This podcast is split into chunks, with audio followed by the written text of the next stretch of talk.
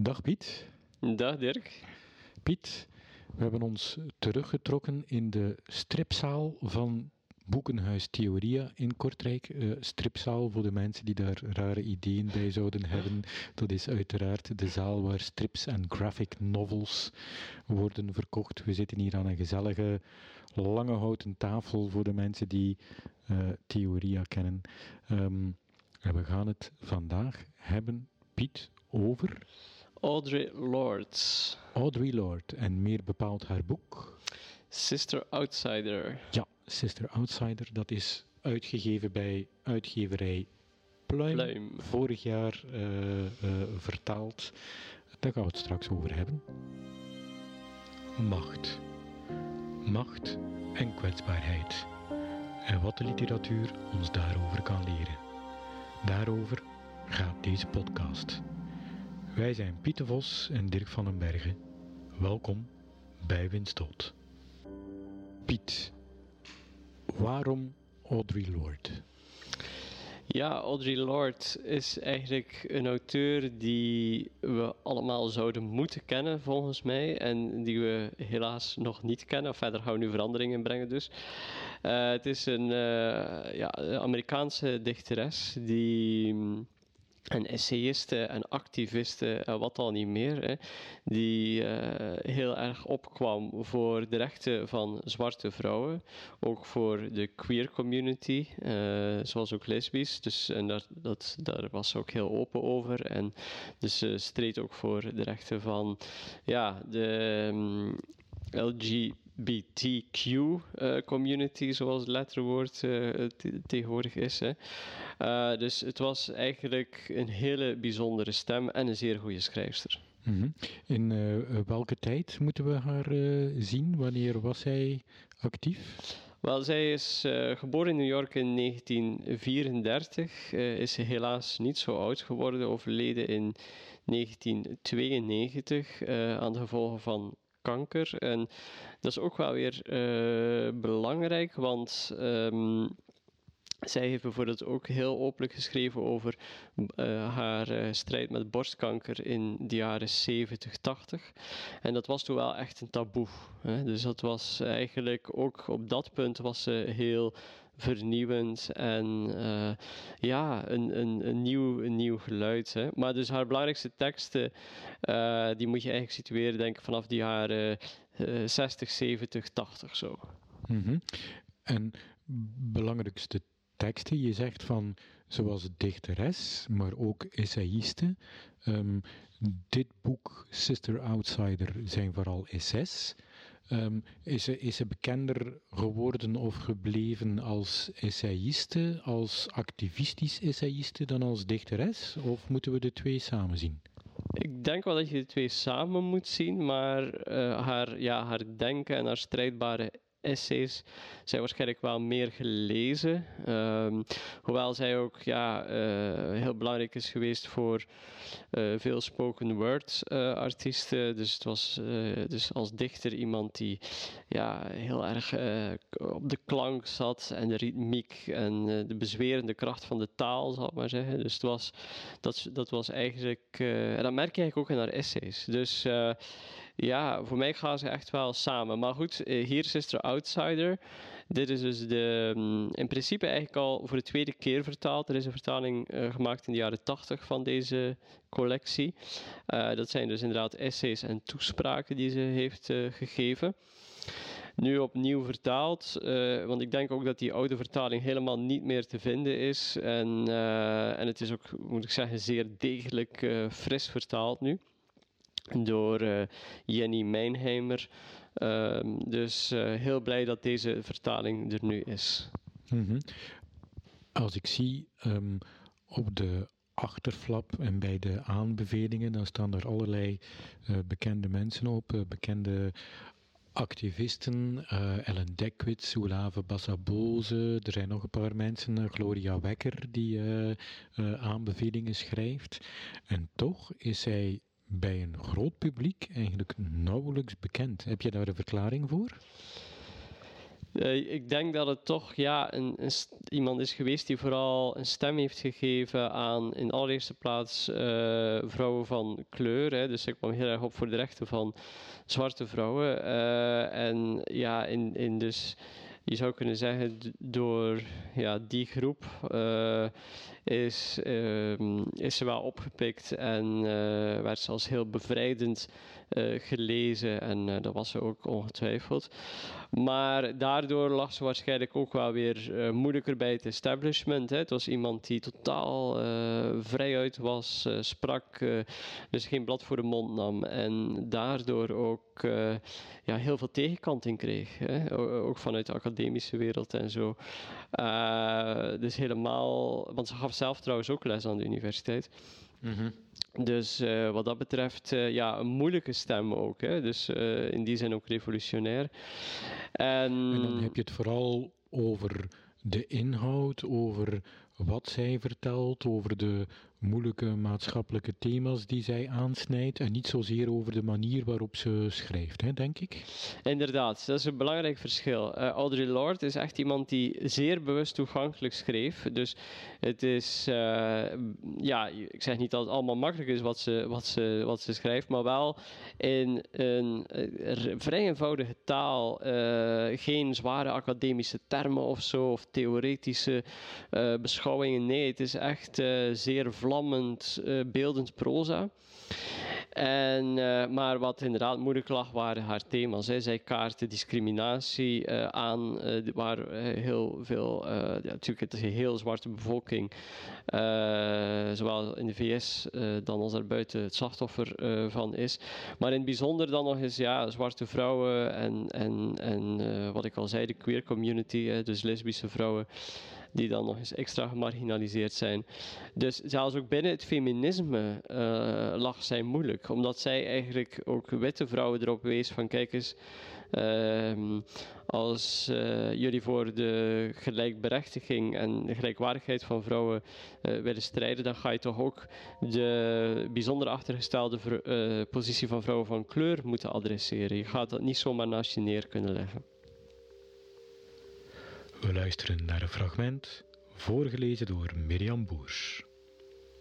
Toen ik begon te schrijven over de intensiteit van de woedes tussen zwarte vrouwen, kwam ik tot de ontdekking dat ik slechts één topje beroerde van een driepuntige ijsberg, met als diepste bodemstructuur haat. De doodswens die de samenleving op ons richt vanaf het moment dat wij, zwart en vrouwelijk in Amerika, het levenslicht zien. Vanaf dat moment worden wij in haat ondergedompeld. Vanwege onze kleur, vanwege onze seksen, vanwege de brutaliteit die ons laat veronderstellen dat we enig recht op leven hebben.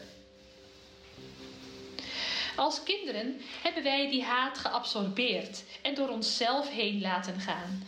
En voor het overgrote deel leven wij nog steeds ons leven zonder te weten wat die haat werkelijk is en hoe hij te werk gaat.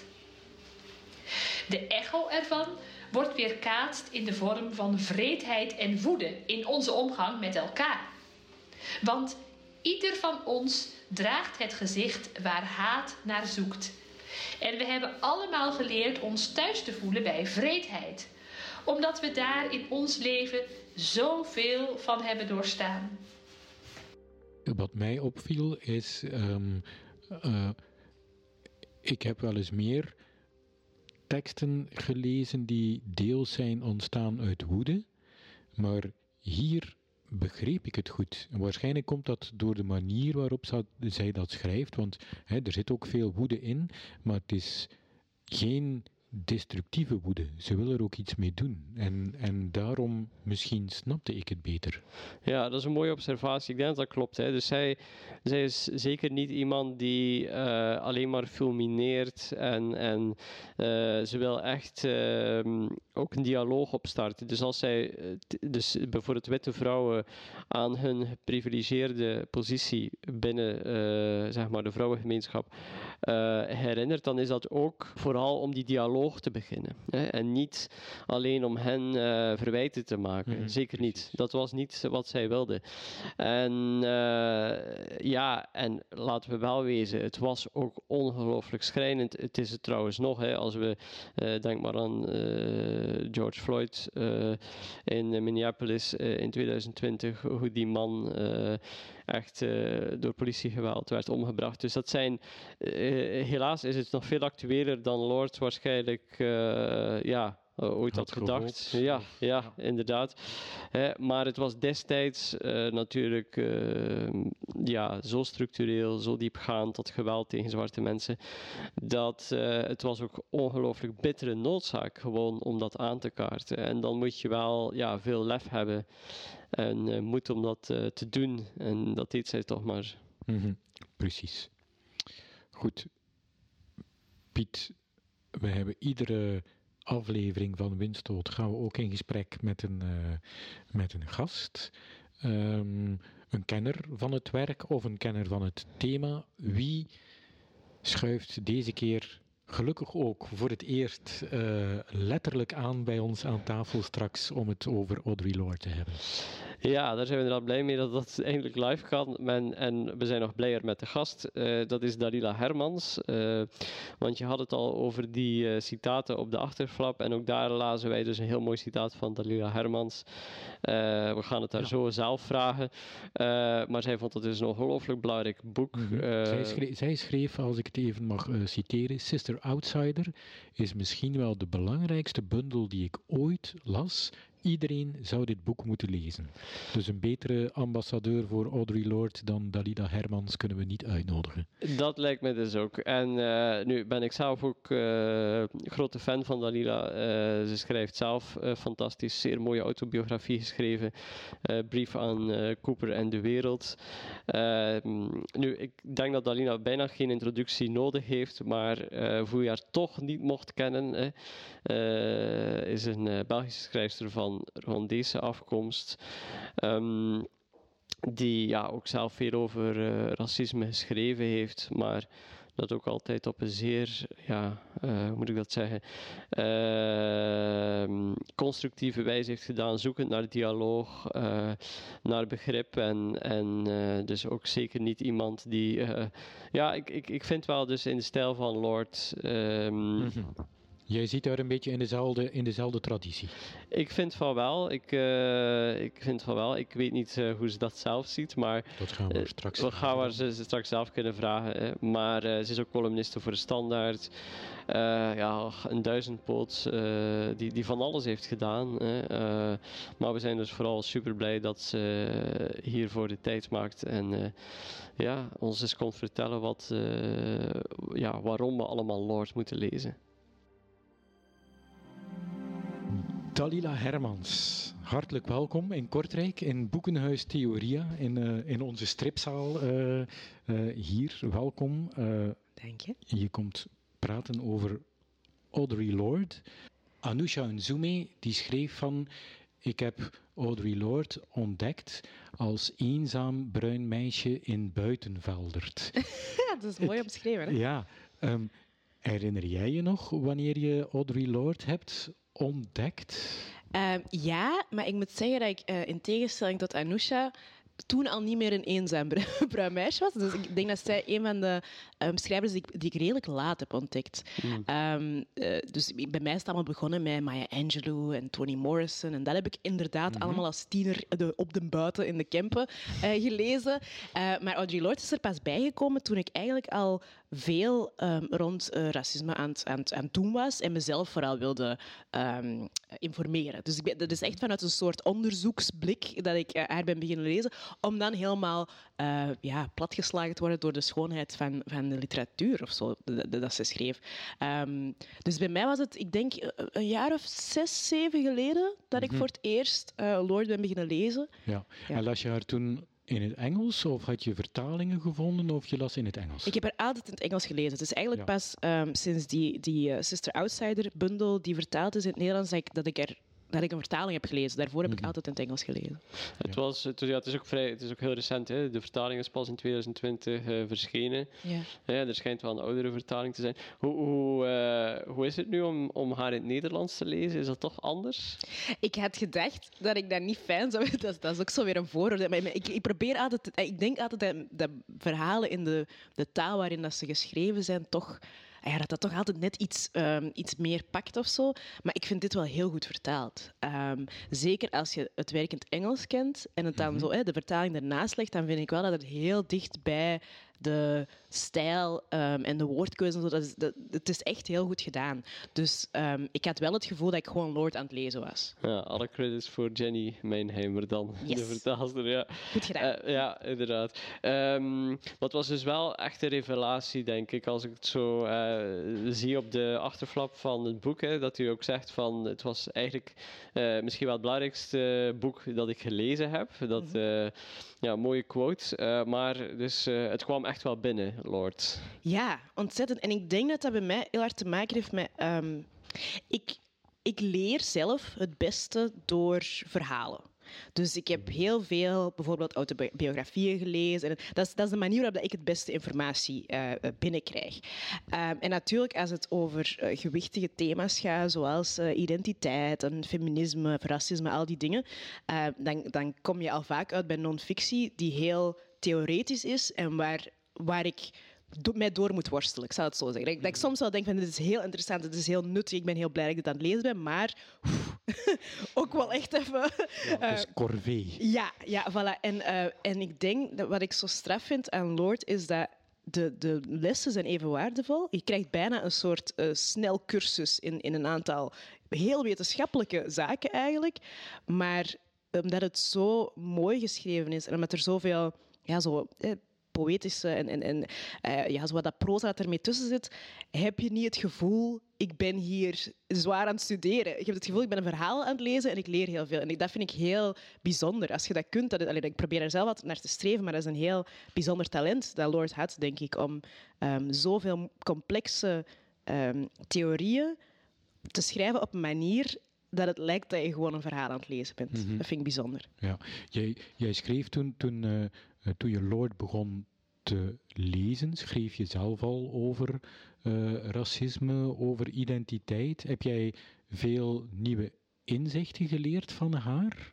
Ja, ontzettend. Ik denk misschien minder over ehm, racisme aan zich. Eh, waar ik toen nog heel erg op gefocust was, en zo, zoveel jaren geleden. eh, maar wel heel veel over feminisme, zo, eh, intersectionaliteit.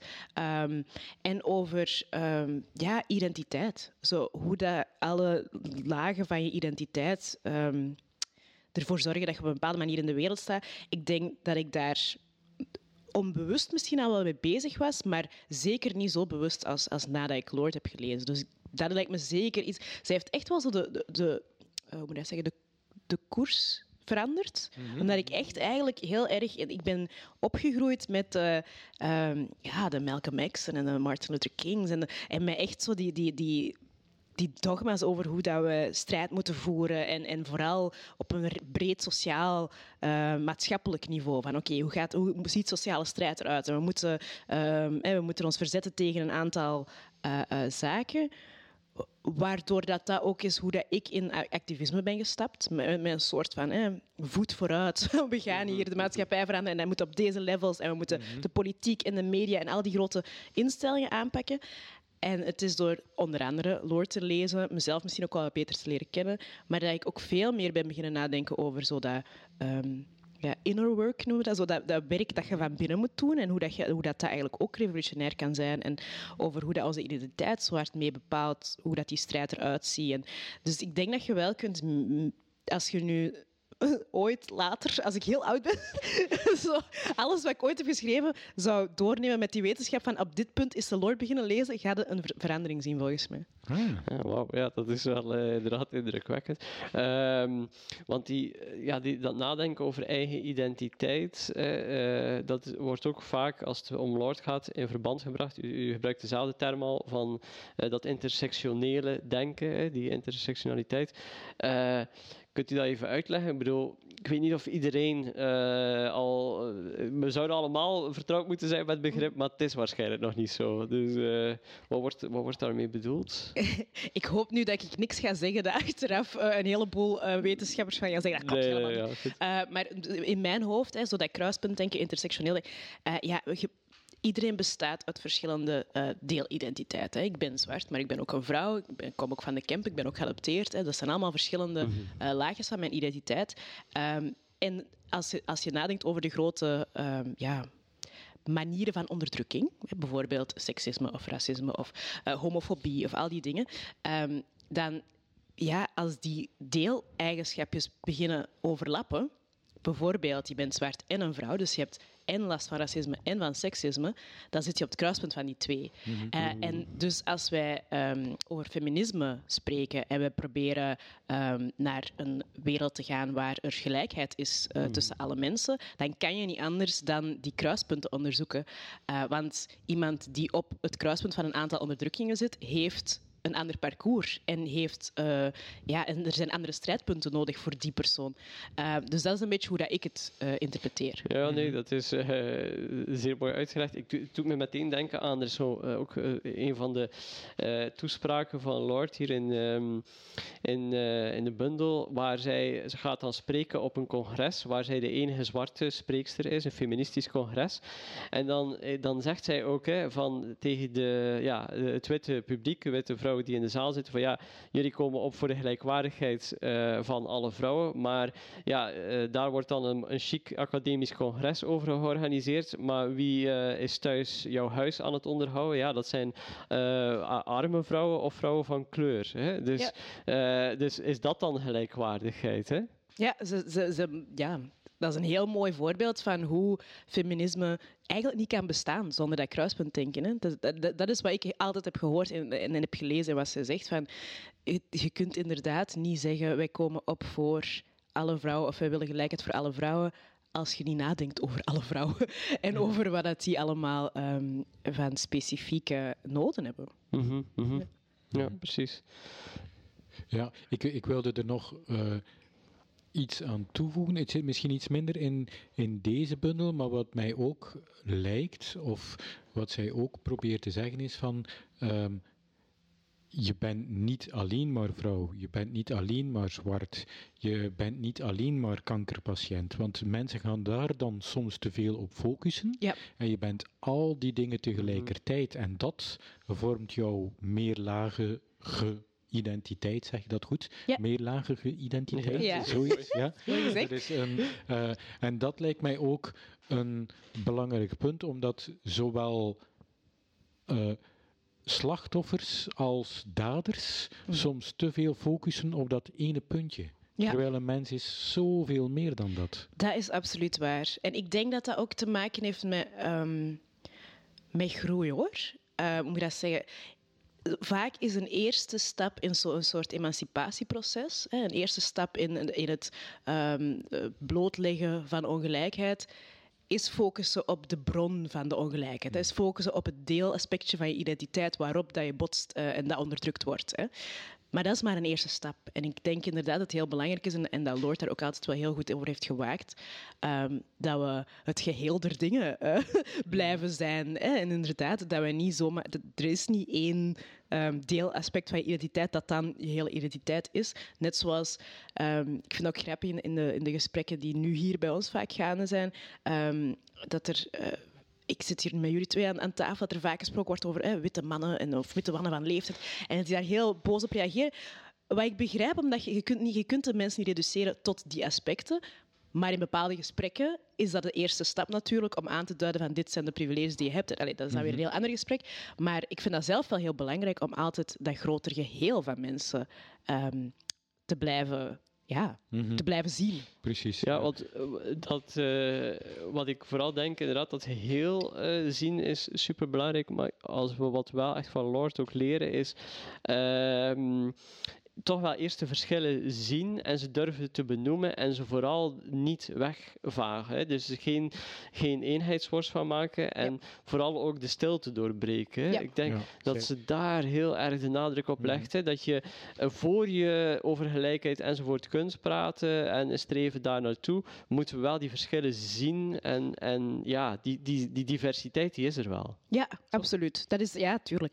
Ehm, eh, want dat is denk ik lange tijd ook een soort ehm, heel goed, ge- goed bedoelde, maar zeer naïeve en, en zelfs schadelijke aanpak geweest. Is zo het, het uitwisten van de verschillen tussen mensen. Hè. Zoals, eh, ja, voor mij is iedereen hetzelfde. Hè. Ik zie geen kleur, ik zie geen gender. Ik terwijl, ja, zo kunnen we niks oplossen als we het niet benoemen. En daar is Lord heel, echt voor geweest op haar tijd, denk Mhm. ik. Ja, zij, zij vat het samen. Ik denk dat dat, dat dat een hele mooie quote was. Zij vat het samen als van. eh, het, het gaat niet om verdeel en heers als je dingen benoemt. Het gaat om definieer en empower.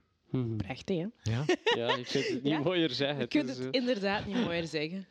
Eh, Ja. Maar dat wordt nog vaak, vaak misbegrepen. Mhm, Ja. Precies. En ik wil, hè, want we hebben het in onze inleiding ook al even over onszelf gehad als ehm, geprivilegeerde blanke mannen. Hè. Absoluut, ja. Eh, eh, ik denk dat het ook belangrijk is als je, eh, zeker in dit geval, ehm, dat je ietsje voor jezelf dan, niet, niet de anderen, maar dat je voor jezelf ook eens kijkt naar wat mensen daar dan mee bedoelen. Ja. Dat je je niet altijd onmiddellijk persoonlijk moet voelt aangevallen, maar dat je denkt van wat bedoelen mensen daarmee? Ben ik daar misschien inderdaad een onderdeel van en wat kan ik daar dan aan veranderen? Dat lijkt mij heel erg belangrijk. Ja, ja en ik, heb, ehm, ik vind dat zowel bij, bij Lord als bij Bell Hooks, als bij ehm, veel van mijn favoriete schrijvers, eh, Maya Angelou deed, deed eigenlijk ook, Toni Morrison. ehm, wat dat zij nooit doen is uitsluiten. Ja. Dat wordt vaak zo gelezen, maar dat is echt niet. Er wordt Nee. altijd met heel veel liefde eigenlijk gezegd van kom, kom hierbij en, en probeer deze movement mee te dragen. En, en, ehm, en elke, eh, ja, elke definitie die we aan u geven, zo, hè, dat definiëren en empoweren, is bedoeld om u dichter bij ons te krijgen. Zo, ik vind dat, dat is eigenlijk altijd heel gul en heel genereus en heel ehm, schoon, vind ik. Ehm, en ik vind dat van Lord ook. Dat als je dat met een, met een eerlijke blik leest, eh, haar, haar boeken, dan ga je nooit, dan kun je eigenlijk nooit het gevoel hebben van ik mag hier niet bij of ik word hier als eh, persoon die niet tot deze minderheden be- behoort, hè, ik word hier aan de kant geschoven. Dat is nooit het, eh, geval. Ehm, en ik vind dat heel mooi. En dat is ook wat, wat ik nu denk ik nog altijd heel vaak zie gebeuren in al die ehm, de gesprekken daarover, over identiteit en over, eh, over alle ismes en zo. Dat eens dat je doorhebt, ah, dit gaat niet over ik mag er niet bij of ik kan het nooit begrijpen. Dit gaat over ik moet naar mezelf kijken eh, en eerlijk zijn. Eh, dan kun je alleen maar heel veel leren. Als ik naar mijn kwetsbaarste plekken kijk en de pijn die ik heb gevoeld erken, kan ik de bron van die pijn uit het wapenarsenaal van mijn vijanden verwijderen. Mijn geschiedenis kan dan geen veer meer zijn op de pijlen van mijn vijanden en dat verkleint hun macht over mij. Niets wat ik over mezelf heb aanvaard kan tegen me gebruikt worden om mij te kleineren. Ik ben wie ik ben en ik doe wat ik moet doen. Ik werk op je in als een drug of een bijtel om je aan je mijheid te herinneren, zoals ik in mezelf jou ontdek. Het, het thema van onze podcast is natuurlijk eh, ook macht en, en kwetsbaarheid. Nou ja, dat, dat zijn twee termen die natuurlijk ook heel veel bij Lord eh, voorkomen. Maar ehm, ik denk dat het toch belangrijk is om dat toch ook eens heel expliciet eh, te benoemen. Ik moest denken aan eh, eh, toen ik uw eh, eigen eh, autobiografie las, een heel mooi boek, eh, Brief van Cooper en, en de Wereld. Daar staat eigenlijk ongeveer letterlijk ergens een zinnetje van racisme draait om macht. Ja. En ik dacht, ja, goh, zo simpel en inderdaad, maar eh, ik vraag me af of veel mensen dat beseffen. Kunt u dat eens uitleggen? Ehm, ik heb dat, dat staat inderdaad in, in dat boek, ehm, omdat ik toen zelf heel veel vragen kreeg over ehm, ja, de definitie van racisme. Hè, van Wanneer is iets ra- racisme en wanneer is iets gewoon kwetsend of, of discriminatie of stereotyperend. En dat frustreerde mij op een manier, omdat dat heel erg aanvoelde als een soort afleidingsmanoeuvre. Als je dan zo zegt van kijk, dit is allemaal aan de gang en er is structureel racisme. Dat dan heel snel werd gezegd van ja, maar wij maken ook wel eens dingen mee. En dat is dan toch ook racisme. Zo. Maar ik dacht, ik mag ook niet zomaar doen alsof dat, dat of dat er helemaal geen, geen kern is van waarheid zit in die, in die statements. Dus ik heb dat, ik heb dat echt willen uitzoeken. Ehm, eh, en in dat boek heb ik er zelfs zo'n hele definitie bij gehaald, zodat ik het nu niet meer vervelen. maar ehm, nee, maar het is wel zo, het, het komt neer op macht. Ehm, er is een verschil tussen ehm, een groep die systematisch en door, doorheen alle eh, aspecten van het maatschappelijk leven eh, onderaan de ladder staat, daar nog eens vanuit een, een groep die niet eh, in die, in die ehm, machteloze positie zit, ehm, een opmerking geven is echt anders dan in de andere richting. Dat zal even vervelend en kwetsend zijn. Hè. Daar, ik, ik zeg het, ik, ik wil zeker niet zeggen dat stereotyperingen of, of eh, discriminerende zaken ehm, minder persoonlijk leed opleveren ehm, als het van iemand uit een onderdrukte groep komt naar... eh, daar, daar wil ik niks over gezegd hebben, want ik kan me voorstellen dat dat even pijnlijk is. Maar, maar als je macht... Macht, dat zit zo hard in de kern van, van dat hele probleem, dat ik het... Ik kan eigenlijk het belang van dat, van dat begrip, ehm, als het gaat over racisme, niet, niet, niet minimaliseren. Want haalt dat weg en er is ook geen racisme. Hè. Als we allemaal dus evenveel macht zouden hebben, ja, dan kunnen we allemaal vervelende mensen zijn die elkaar uitschelden. Maar that's it. Hè. Daar, zouden wij, daar zouden we wel mee kunnen leven. Eh, het is net omdat er wel degelijk een machtsonevenwicht is, dat al die kleine dingen, eh, zoals eh, opmerkingen op straat, of, ehm, die dragen bij aan dat onevenwicht in die macht. En dat is gewoon waarom, het, waarom racisme in stand blijft gehouden worden. Ik weet niet wat dat... dat Ja, een zeker, zeker. Eh, maar wat daar meteen bij aansluit, wat, de, de, de, de vraag die ik me dan vooral stel, want dat is natuurlijk ja, dat is een gigantisch probleem en, en niet van vandaag op morgen opgelost. Maar als we zouden zeggen in de geest van Lord, wat, wat, wat kunnen wij daar dan als eh, witte mensen aan doen? Hè? Wat, wat zou dan eigenlijk iets zijn waar, waar wij actief ook eh, niet alleen te luisteren eh, naar de verhalen, maar wat, wat kunnen wij dan doen om daar Actie- iets aan te veranderen? ondernemen. Ja. Ehm, dat is ook een hele moeilijke vraag. Ja, ja, tuurlijk is dat een maar, moeilijke maar dat vraag. is goed. Ik ben, Ja. dat is een moeilijke vraag kunnen ook. Eh, nee, ik denk dat... Kijk, het is eigenlijk niet zo heel eh, complex volgens mij. Als ik een beetje vanuit de spirit van Lord en ook eh, vanuit het kruispunt denken en alles waar we het eerder over hadden. Als je eh, erkent dat je een aantal privileges hebt en dat er een onevenwicht is in macht, hè, en dat dat het, de oorzaak is van, heel, van een heleboel onderdrukkingen voor andere mensen, dan denk ik dat je vooral met z'n allen moet kijken van ehm, hoe kunnen we die, dat machtevenwicht beter maken? Hè? Hoe kunnen we ervoor zorgen? En daarvoor moet je gewoon af en toe opschuiven en een stukje van je macht afgeven. En dan heb ik het, dat is, dat, dat is heel gemakkelijk ehm, eh, nu gezegd, en, eh, maar ik kan dat ook wel heel concreet maken als het gaat over ehm, witte mensen en racisme. Is dat, maar dat gaat ook over al die andere kruispuntmomenten. hè. Als ik. ehm, en, en ik, dat- ik moet dat zelf ook constant. Ik moet daar ook over nadenken. Als er... ehm, oh, ik ben een beetje aan het denken met waar ik het nu goed kan. Ah ja, bijvoorbeeld als het gaat over gender eh, en, en alles wat er nu eh, aan, het, ja, aan het licht komt, is misschien raar gezegd, maar de gesprekken die nu gevoerd worden rond gender en over ehm, ja, eh, hoe dat het eigenlijk een spectrum is en al die zaken. Ehm, ik ben erover aan bijleren in snel tempo, want ik wil zeker mee zijn en ik wil, ik wil proberen niet te veel fouten te maken. Maar natuurlijk is dat ook voor mij iets wat ik nog voor mezelf moet, eh, moet ontdekken en deconstrueren en zo. Ehm, maar een van de dingen die ik bijvoorbeeld doe, als ik word gevraagd voor een eh, panelgesprek of zo, ja, ik ben een, een cisgender hetero vrouw. Ja. Ik ga geen plaats innemen. Nee, oké, ik heb meer macht. Dus ik ga zoeken naar iemand anders die die plek kan innemen in mijn plaats.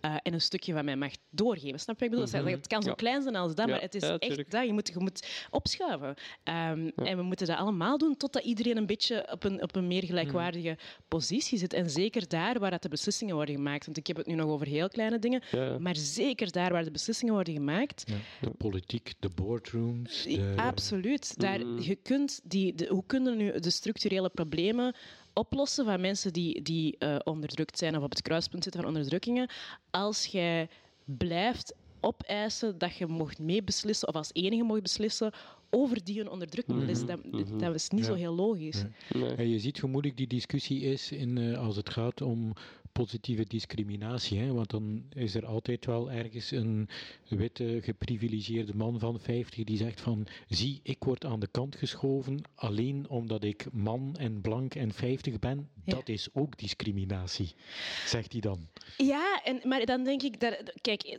in principe denk ik dat dat in sommige va- gevallen zelfs een beetje zo is. Hè.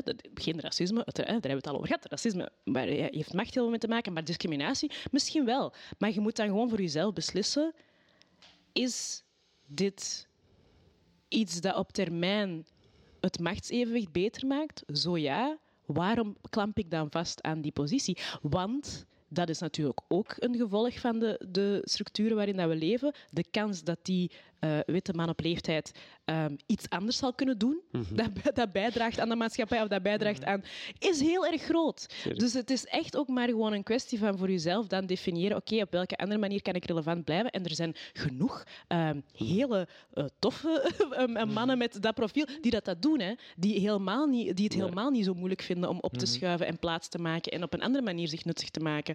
Ehm, dus ik, ik vraag me gewoon altijd af, als je vanuit een hele geprivilegeerde positie heel erg kwaad wordt als je plaats moet maken, waarom is dat dan? Ja. Wat is uw, wat is uw einddoel en waarom, waarom denkt je dat jij de juiste persoon bent op die positie? Ehm, en want heel vaak als je daarover doorvraagt, eh, dan wordt het moeilijk om antwoorden te, te Maar dan kom je heel dikwijls terug op die macht. Hè? Ja, Het is het behouden van die machtspositie. En het, Ja. en het niet willen delen van die machtspositie. Ja, en ik vind dat altijd... Ik vind dat jammer, omdat ik dan altijd denk... ehm, de persoon die, die daar zat, dan zo gezegd, die moet opschuiven, heeft een gigantische bagage vaak aan, aan, aan kennis en aan eh, ja, ervaring. Dus het zou heel fijn zijn als die een bondgenoot zou blijven. En als die zou kunnen helpen. De, maar daarvoor moet je wel durven eerlijk naar jezelf kijken, jezelf een vraag stellen en opschuiven. En dat is, ja, daar stoten we dikwijls op ik blijf het altijd vreemd vinden, of, of ja, vreemd is misschien het woord niet, maar, maar jammer vinden dat ehm, een gesprek aangaan, of zelfs afdwingen, een gesprek opeisen, ehm, wordt gelijkgesteld met ehm, iemand de mond snoeren. Terwijl, snap je wat ik bedoel? Als ik, als ik in vraag stel welke termen er gebruikt worden, of als ik het gesprek wil aangaan over iemand die bepaalde uitspraken heeft gedaan, wordt dat geïnterpreteerd als ja, ik mag niks meer zeggen. Terwijl ik denk, jawel, ik wil juist dat gesprek en dat we hierover kunnen babbelen. Dit is juist een uitnodiging tot gesprek, wat dat letterlijk eh, het tegenovergestelde is van je de mond eh, snoeren. Maar ehm, ja, mensen zijn heel snel... ehm, voelen zich snel persoonlijk aangevallen als het over deze gevoelige thema's gaat. Terwijl ik denk, ehm, er zit zoveel rijkdom in het, eh, eh, in het kritisch kijken naar jezelf. Lord heeft eigenlijk zoveel mooie zinnen die je zou willen citeren en beelden die, eh, die beklijven. En één daarvan is zo heel bekend, dat is ook een titel van een essay, is eh, het gereedschap van de meester zal eh, het huis van de meester niet of nooit afbreken. Hè? Dat is de Nederlandse vertaling ervan dan. Hè? Ehm, ik denk dat dat hier ook mee te maken heeft. Hè? Dat je ergens die taal, dat dat ook de, het gereedschap is. Als we daar niet naar kijken, als we dat gereedschap eh, van de geprivilegeerde groepen niet eh, gaan kritisch bekijken en proberen te veranderen, ja, dan, zal het ook, dan zullen, zullen er ook geen veranderingen komen. Ja. Ja, ik heb ehm, veel nagedacht over eh, die quote. Een ja, mysterieus. eh, ja, maar ja. ook wat, die, die, is zo bijna, die bekt zo bijna te goed. Ja. Oké, dat klinkt nu wel heel goed, maar hoe, kan, hoe is het praktisch inzetbaar en is het, is het wel haalbaar om... Ja. dus ik heb er veel over nagedacht. Ik denk, in het geval van taal is dat zeker zo. Ehm, we moeten nieuwe woorden bedenken. En, en, en dat is nog... om er nog heel even op terug te komen, eh, dat heeft nu bij wit en blank, maar ook in het algemeen, zo een aantal termen die wij sinds kort in het eh, antiracistisch discours gebruiken, zoals eh, wit privilege of ehm, eh, colorism en zo, al die dingen. Het is heel goed dat we die woorden hebben, Want daarvoor kon, was het heel moeilijk om dit gesprek te voeren. Want je hebt, als er geen woord is voor iets, is het heel moeilijk om erover te praten. Ehm, maar toch werd dat dan heel vaak. Ik vind bijvoorbeeld uh, Gloria Wekker um, heeft daar heel veel in betekend, naar mijn gevoel, om dat in, naar het Nederlands uh, taalgebied te brengen. Een aantal van mhm. die termen. Uh, maar er, wordt dan, er werd dan. Um, tegen mij vaak gezegd in het begin, als ik die, die term begon te gebruiken, van uh, ah, je, je, importeert problemen van, van Amerika mm. naar hier, terwijl ik dacht, nee, ik importeer misschien woorden, maar de problemen die waren er al. Uh, we hadden er gewoon geen taal voor. Uh, maar dat even terzijde. Um, ja, nee, dat is belangrijk. niet uh, terzijde is. Dus dat is eigenlijk zeer essentieel. Ja, absoluut. ja. Ah, wel, dus in dat opzicht heel blij met, met een aantal woorden die we nu hebben. Um, maar over die, die uh, de Master Stools uh, uitspraak van Lord, ik heb daar heel veel over nagedacht. En ik, ik, zie, ik zie het heel goed voor me, wat ermee bedoeld wordt. Um, maar ik, ik, ik ben nog steeds op zoek naar um, de haalbaarheid of zo. Ja. Uh, want ik zal het even heel concreet maken. Um, een van de dingen waar ik altijd heel hard op heb gehamerd is het belang van representatie. En hoe belangrijk dat ik, dat ik het vind dat wij andere verhalen te zien krijgen mm. en zoveel mogelijk verhalen te zien krijgen. Um, wat er ook een beetje mee aan de basis heeft gelegen van het feit dat ik een aantal keer op televisie ben geweest, dat ik een soort uh, parcours heb gelopen bij de VRT. En zo dat heeft er allemaal mee te maken, omdat ik dacht van ik moet inbreken op die representatie, want dat gaat heel veel effect hebben. En voor een stuk is dat zo. Maar natuurlijk zit jij moet je samenwerken met, met hele grote machtige instellingen. De media is een grote machtige instelling. Hè. Ik schrijf ook ik schrijf voor de standaard. Dat, ja, die hebben macht, absoluut. Um, dus ik probeer eigenlijk wel met de masterstools de wereld te veranderen. Want ik zit wel daar waar, waar de macht zit. Um, en ik weet soms ook niet of dat, dat ooit mogelijk is. Want ergens merk ik na een aantal jaren eh, mee te draaien in, in dat machine van oké, er is eigenlijk op structureel niveau niks veranderd. Van de dag dat ik er binnen ben gestapt tot nu, structureel binnen de instelling is er niks veranderd. Ongeacht de, het aantal columns dat, dat, we geschreven hebben en de keren dat we in het praatprogramma hebben, dat, er is nooit iets veranderd. Maar ik hoop dan wel dat er, dat er zaadjes geplant zijn. En dat veel mhm. mensen die, die op die manier, de, de, boodschap die op die manier toch een groot publiek heeft bereikt, dat dat dan toch een effect heeft.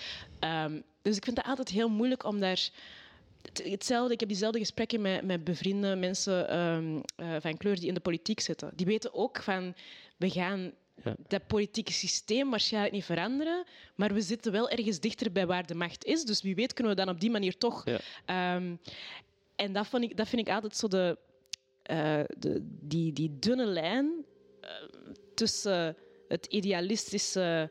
Ja, het ideaalbeeld eigenlijk dat geschept wordt vanuit een theoretisch kader bijna, mm um, in die uitspraak en in, in, in dat essay, uh, versus de realiteit van het hier en nu en van hoe moet het dan wel? En is er al, is er al, zijn er al tools genoeg die niet van de master zijn waarmee dat we ook iets kunnen afbreken? Ik weet het nog niet.